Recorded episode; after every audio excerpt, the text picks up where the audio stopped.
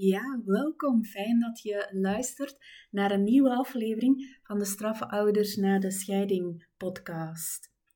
Ik ben Anne Brems, ik ben systemisch counselor en in mijn werk help ik ouders, kinderen en gezinnen in een complexe scheiding.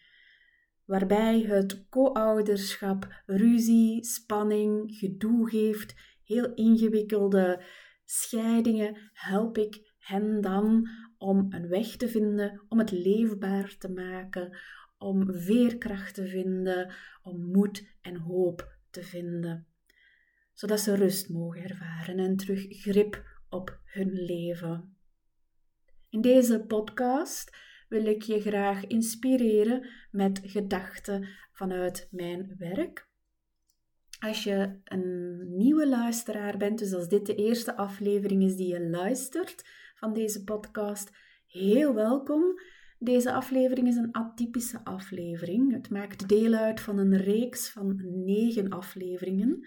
Het is de vierde van deze reeks, waarin ik vertel over levenslessen uit mijn leven en hoe dat die de hulpverlening hier bij Glinster, mijn hulpverlening aan ouders, kleurt.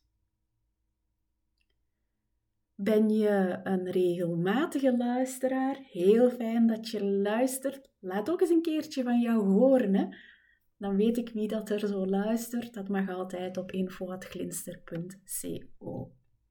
Voor we induiken in de aflevering vandaag, wil ik toch nog even melden dat binnenkort weer een nieuwe groep start met bouwen aan een sterke basis.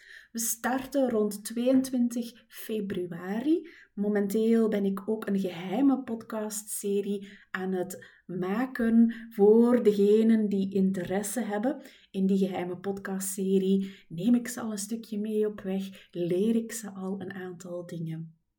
Dus als je deze geheime podcastserie ook graag wil ontvangen, dat kan gratis en vrijblijvend op www.glinster.co/bouwen.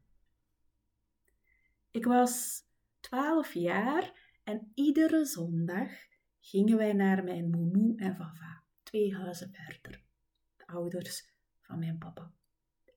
En we kwamen daar met de hele familie samen om hier op zijn Vlaams, pistolekes te eten en koffie te drinken. Er was een grote familie met heel wat nichtjes en neefjes, waaronder ook een aantal nichten en neven die jonger waren dan mij. Iedere zondag gingen wij daar dan eten. De volwassenen die zaten in de woonkamer en de kinderen die zaten in de keuken. En wij speelden dan ook vaak in die keuken, in die badkamer. in die badkamer. Nee, dat klinkt heel raar. Daarnaast was een badkamer, vlak naast. En we hebben daar ook veel met de blokken gespeeld. Ehm, ik weet niet hoe dat wij terecht kwamen in die kamer. Ja, wij mochten dan niet in de woonkamer, omdat wij dan te veel lawaai maakten. Dus in de keuken stond een kachel, waardoor dat soms wel warm was. En in de badkamer was het dan wat koeler. En kinderen die hard spelen, ja, die kunnen het wel wat warm krijgen. En ik herinner mij zo die koelte van die badkamervloer, dat dat wel deugd deed als spelend kind. Zo in de, ja, vooral dan op de koude dagen en de regenachtige dagen, want anders waren wij buiten. En waarom vertel ik dit? Omdat ik dus toen al uh, die nichtjes en die neefjes entertainde. Ik bedacht spelletjes, ik organiseerde die kleine bende zo een beetje. Uh, als er iemand verdriet had of getroost moet, moest worden of er was ruzie. Ja, dat deed ik eigenlijk heel graag.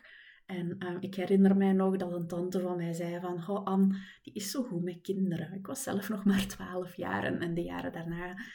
Um, maar uh, dat was toen al, dat ik een passie had voor kinderen, een affiniteit voor kinderen. Ik vind kinderen gewoon geweldig. Ik vind ze echt geweldig. En ook doorheen mijn professionele leven was kinderen altijd de rode draad. Ik heb gewerkt met lagere schoolkinderen, met baby's, met kinderen met autisme, kinderen met een beperking en ook kinderen uit andere culturen. Toen ik dan zes jaar geleden startte met Glinster, was mijn missie om iets van verantwoordelijkheid te nemen voor kinderen in de maatschappij. Ehm, kinderen in een moeilijke positie, in een kwetsbare positie. Dat zie je nog in het logo van Glinster. Tussen de I en de N, denk ik, staat een meisje dat omhoog springt. En dat was het symbool voor, ja, voor je veerkracht, voor veerkracht. En ik weet nog toen ik dan jaren geleden mijn eerste voorbereiding bij mijn supervisor binnenbracht. De supervisor waar ik onder andere van haar de liefde voor ouderbegeleiding heb geleerd. Als je dat nog niet weet, of als je benieuwd bent, luister dan naar de vorige aflevering, daar spreek ik daarover. En zij zei toen, bij die voorbereiding stond mijn logo.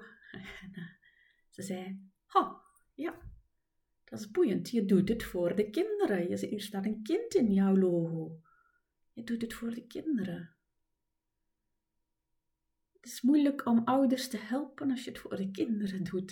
Ik weet niet meer precies wat haar woorden waren, maar ze doelde op het feit dat zij het eigenlijk voor de ouders doet.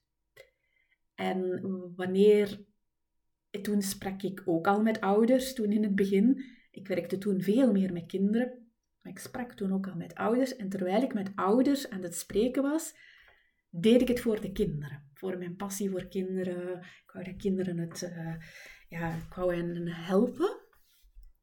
En jaren later begrijp ik nu wat mijn supervisor mij vertelde. Wanneer ik een ouder spreek, dan doe ik dat vanuit passie en zorg en liefde voor die ouder. Dus ik sta heel dicht bij die ouder. En de kinderen staan dan, ja, die, die zijn ook wel uh, belangrijk natuurlijk. Die zijn heel belangrijk. Maar um, de ouder staat voor mij centraal. En hoe kan die um, antwoorden vinden in de problemen die die ervaart in, in zijn of haar gezin of in relatie met zijn of haar kinderen?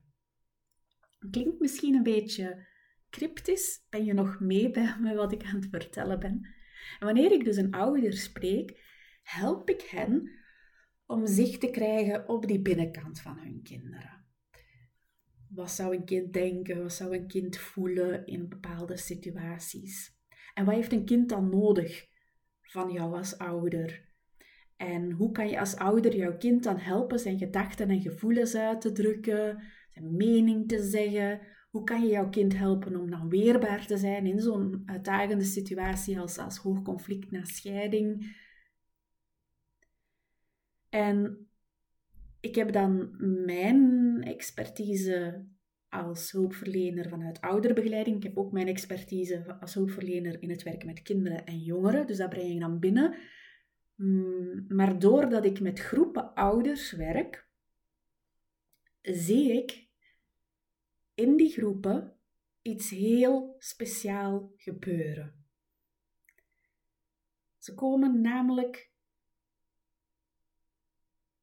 hoe moet ik het zeggen?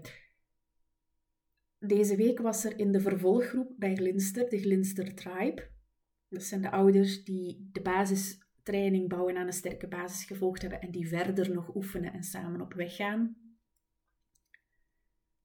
En iemand stelde de vraag in de groep: hoe gaan jullie als ouders om wanneer je tiener tegen jou liegt? En direct kwamen daar reacties van twee ouders die ervaring hebben met hun eigen tieners. Soms ook vanuit hun eigen werk met tieners, zo zijn er ook ouders. En die dan ja, hun eigen tips en tricks binnenbrengen. Die tips en tricks die, die hebben ze ergens van iemand geleerd of van iemand meegekregen, maar die hebben juist een eigen kleur gekregen doordat zij die gebruikt hebben. En dat is zo ontzettend waardevol. Dus ik zie daar bij de ouders expertise die zo waardevol is. Um, en die echt, um, waar mijn expertise dan als hulpverlening hulpverlener, als ouderbegeleider dan daarnaast staat. Voilà, dat was misschien nog voor de vorige aflevering, dat laatste stukje. Maar ik, wou, ik vind dat echt wel iets dat ik echt bewonder ook in de groepen. En als jij in de groep hebt gezeten of je zit nog in een groep, ehm, dan herken je dat misschien wel.